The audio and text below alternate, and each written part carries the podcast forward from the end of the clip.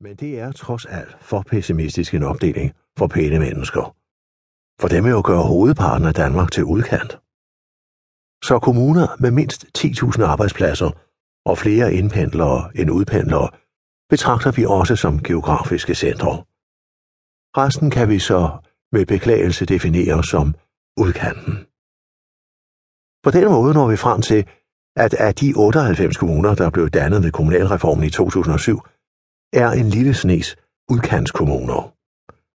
De fleste ligger i bananen, altså linjen fra Bornholm tværs over det sydlige Danmark og op til Tisted.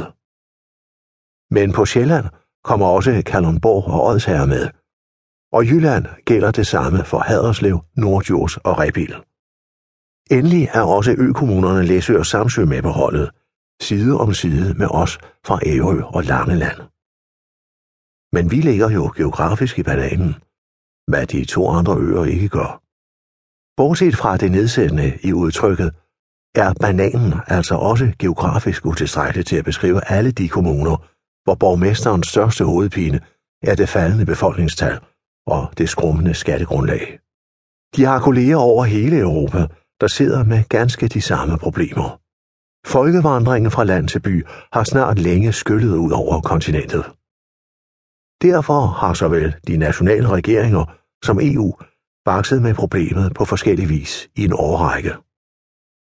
EU, især siden 1988, da Grækenlands, Spaniens og Portugals optagelse tidligere i årtiet havde gjort det klart, at særlige foranstaltninger måtte sættes i værk for at forhindre de sociale og økonomiske forskelle inden for fællesskabet i at blive for store. I Danmark har vi i snart 60 år været opmærksomme på problemerne.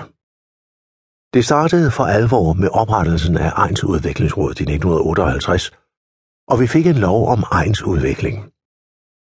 I 1967 blev Direktoratet for egnsudvikling under stor offentlig debat placeret i Silkeborg, og der blev defineret særlige egnsudviklingsområder.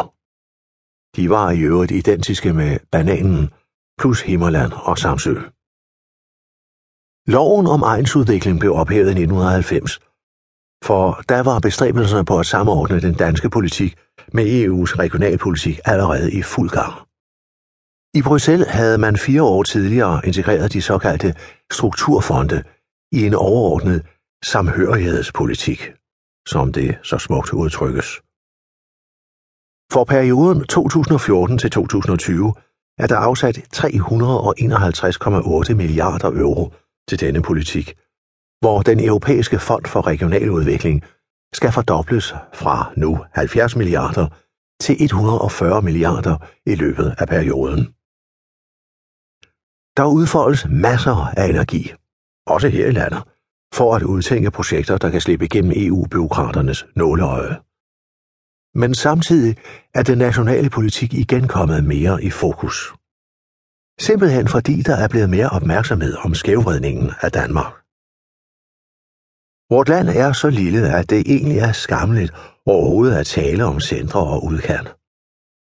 Men det ændrer bare ikke ved, at vi nu er kommet dertil, at det er ved at være et spørgsmål, om vi fortsat ønsker, at hele landet skal være befolket.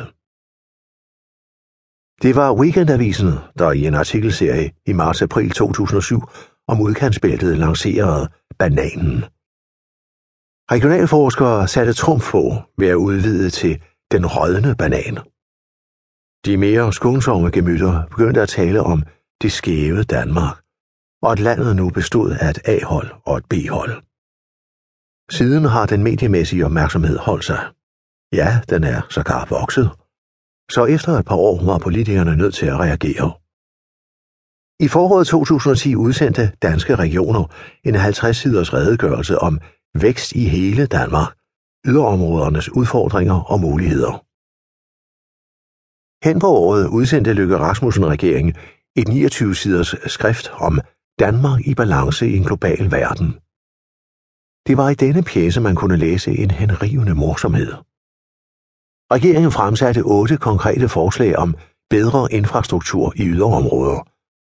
Og der kunne man se en ny motorvej mellem Holstebro og Herning, legnet op side om side med en udvidelse af rundkørslen ved Grundtvigs Allé i Sønderborg.